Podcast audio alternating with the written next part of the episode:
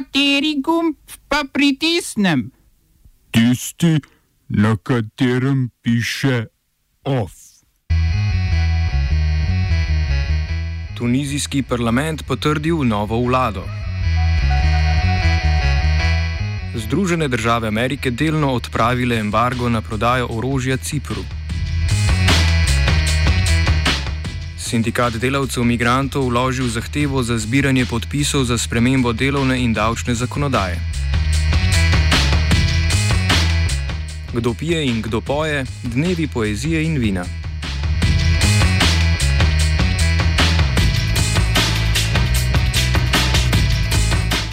Tunizijski parlament je potrdil novo vlado, že tretjo v zadnjem letu dni. Za ministersko ekipo premijeja Hišema Mešišija je v 217-članskem parlamentu glasovalo 134 poslancev, proti pa 67. Ker jo večinoma sestavljajo uradniki, akademiki in poslovneži, se je vlade pod vodstvom notranjega ministerstva v prejšnji vladi, ki sicer ni član nobene stranke, prijel pridevnik tehnokratska. Mešiši je z izvolitvijo na položaju nasledil Eliasa Fakfaha, ki je julija zaradi očitkov o lasništvu delnic v podjetjih, s katerimi je država sklenila več poslov, in po sporu z največjo parlamentarno stranko Enada odstopil po manj kot petih mesecih delovanja.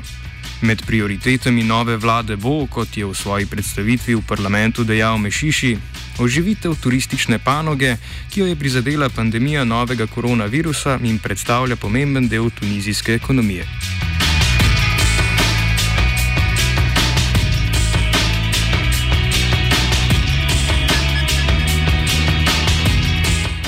Združene države Amerike so delno odpravile embargo na prodajo orožja Cipru.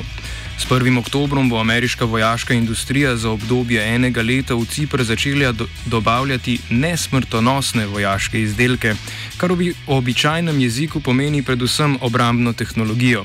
ZDA so embargo uvedle leta 1987 kot ukrep, ki bi lahko pripomogel k združitvi grškega in turškega dela Cipra.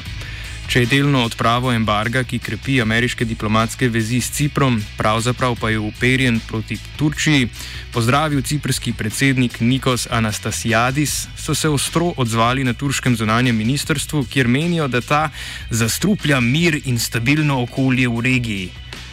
Ta je v zadnjih tednih v središču pozornosti zaradi vojaških vaj in raziskovanja morskega dna v vzhodnem Mediteranu, kjer turška ladja Oruč Reis v turškem epikontinentalnem pasu, ki ga Grčija pojmuje kot izključno svojo gospodarsko cono, opreza za zalogami nafte in zemljskega plina.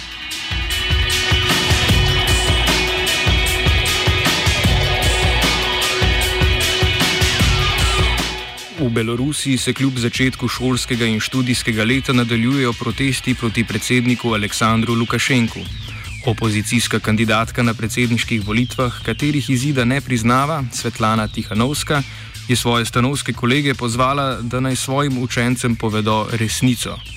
Medtem je Marija Kolesnikova, politična aktivistka in članica opozicijskega koordinacijskega odbora, ki se zauzema za prenos oblasti, skupaj z Viktorjem Babariko, nekdanjim bankirjem in zbiralcem umetnin, naznanila, da ustanavljata novo politično stranko z imenom Umestje, v prevodu Skupaj.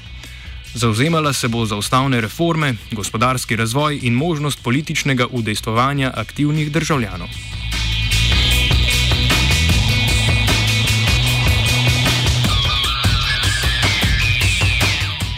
Protesti se nadaljujejo tudi v Bolgariji.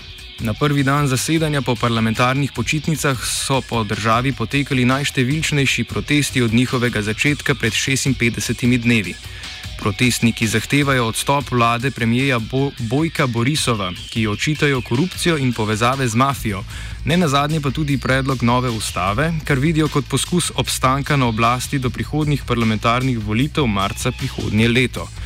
Njihovim pozivom k odstopu se je ponovno pridružil tudi predsednik Rumen Radev, ki v tej potezi vidi edino pot iz politične krize, v kateri se je znašla država. S 1. septembrom so se otroci po malo daljšem premoru končno vrnili v šolo. Največja novost letošnjega šolskega leta je obvezna šolska potrebščina za otroke starejše od 12 let, to je obrazna maska.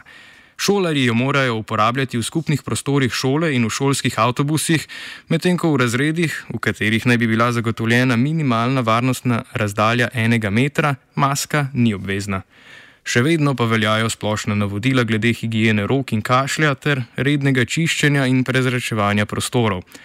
Cilja sprejetih ukrepov v času pandemije sta omejitev morebitne okužbe na učence enega razreda ali oddelka in preprečitev širitve po celotni šoli in širše. Spomnimo, da so tudi otroci prenašalci virusa. Ko zbolijo, pa se pri njih bolj pogosto kot pri odraslih pojavljajo driska in drugi znaki značilni za črevesno okužbo. Eden hujših zapletov okužbe s koronavirusom za otroke je Kawasakijev sindrom, to je unetna bolezen krvnih žil. Tudi drugot po Evropi šolske klopi nič več ne samevajo. Medtem ko slovenska ministrica za izobraževanje, znanost in šport nesojenim šolskim simpatijam v času koronavirusa svetuje izogibanje fizičnim stikom oziroma le blago signalizacijo z očmi znotraj šolskih prostorov, si tudi druge države različno razlagajo ohlapna priporočila Svetovne zdravstvene organizacije. V Franciji, da nimo maske nosijo učitelji in učenci starejši od 11 let, v Nemčiji prisegajo na organizacijo pouka v večjih prostorsko ločenih skupinah. V Italiji, ki je bila med najbolj prizadetimi v letošnji pandemiji, bodo učenci upoštevali varnostno razdaljo, učitelji pa naj bi poleg maske nosili celo obrazne ščitnike. Španija, ki v zadnjih dneh beleži porast okužb med mladimi, izpostavlja dosledno čiščenje stranišč, varnostno razdaljo med učenci so povečali na meter in pol, najmlajše otroke pa so razporedili v manjše skupine po 15 do 20 otrok. Uspešnost različnih ukrepov v šolah in vrtcih bomo lahko ocenili šele v zimskih mesecih, ko pričakujemo porast vseh prehladnih obolenj, tudi okužb s koronavirusom.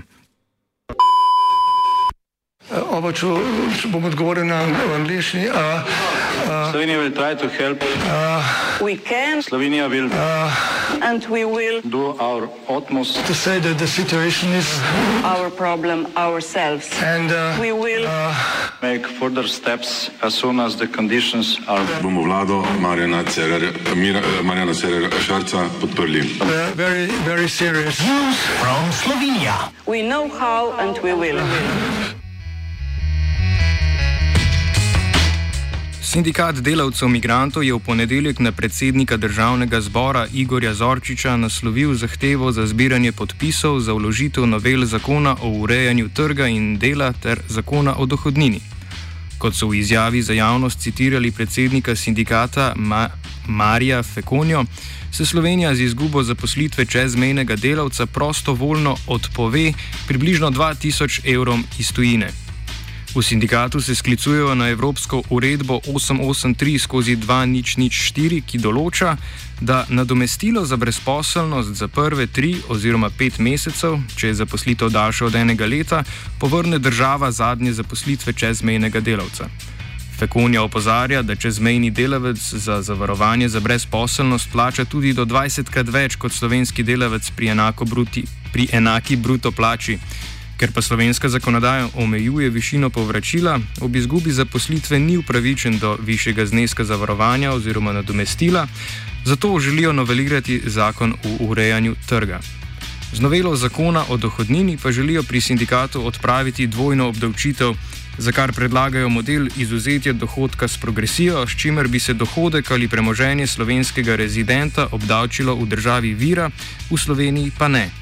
Za vložitev predlogov zakona potrebujejo 5000 podpisov, zbrati pa jih morajo v 60 dneh po obvestilu predsednika državnega zbora.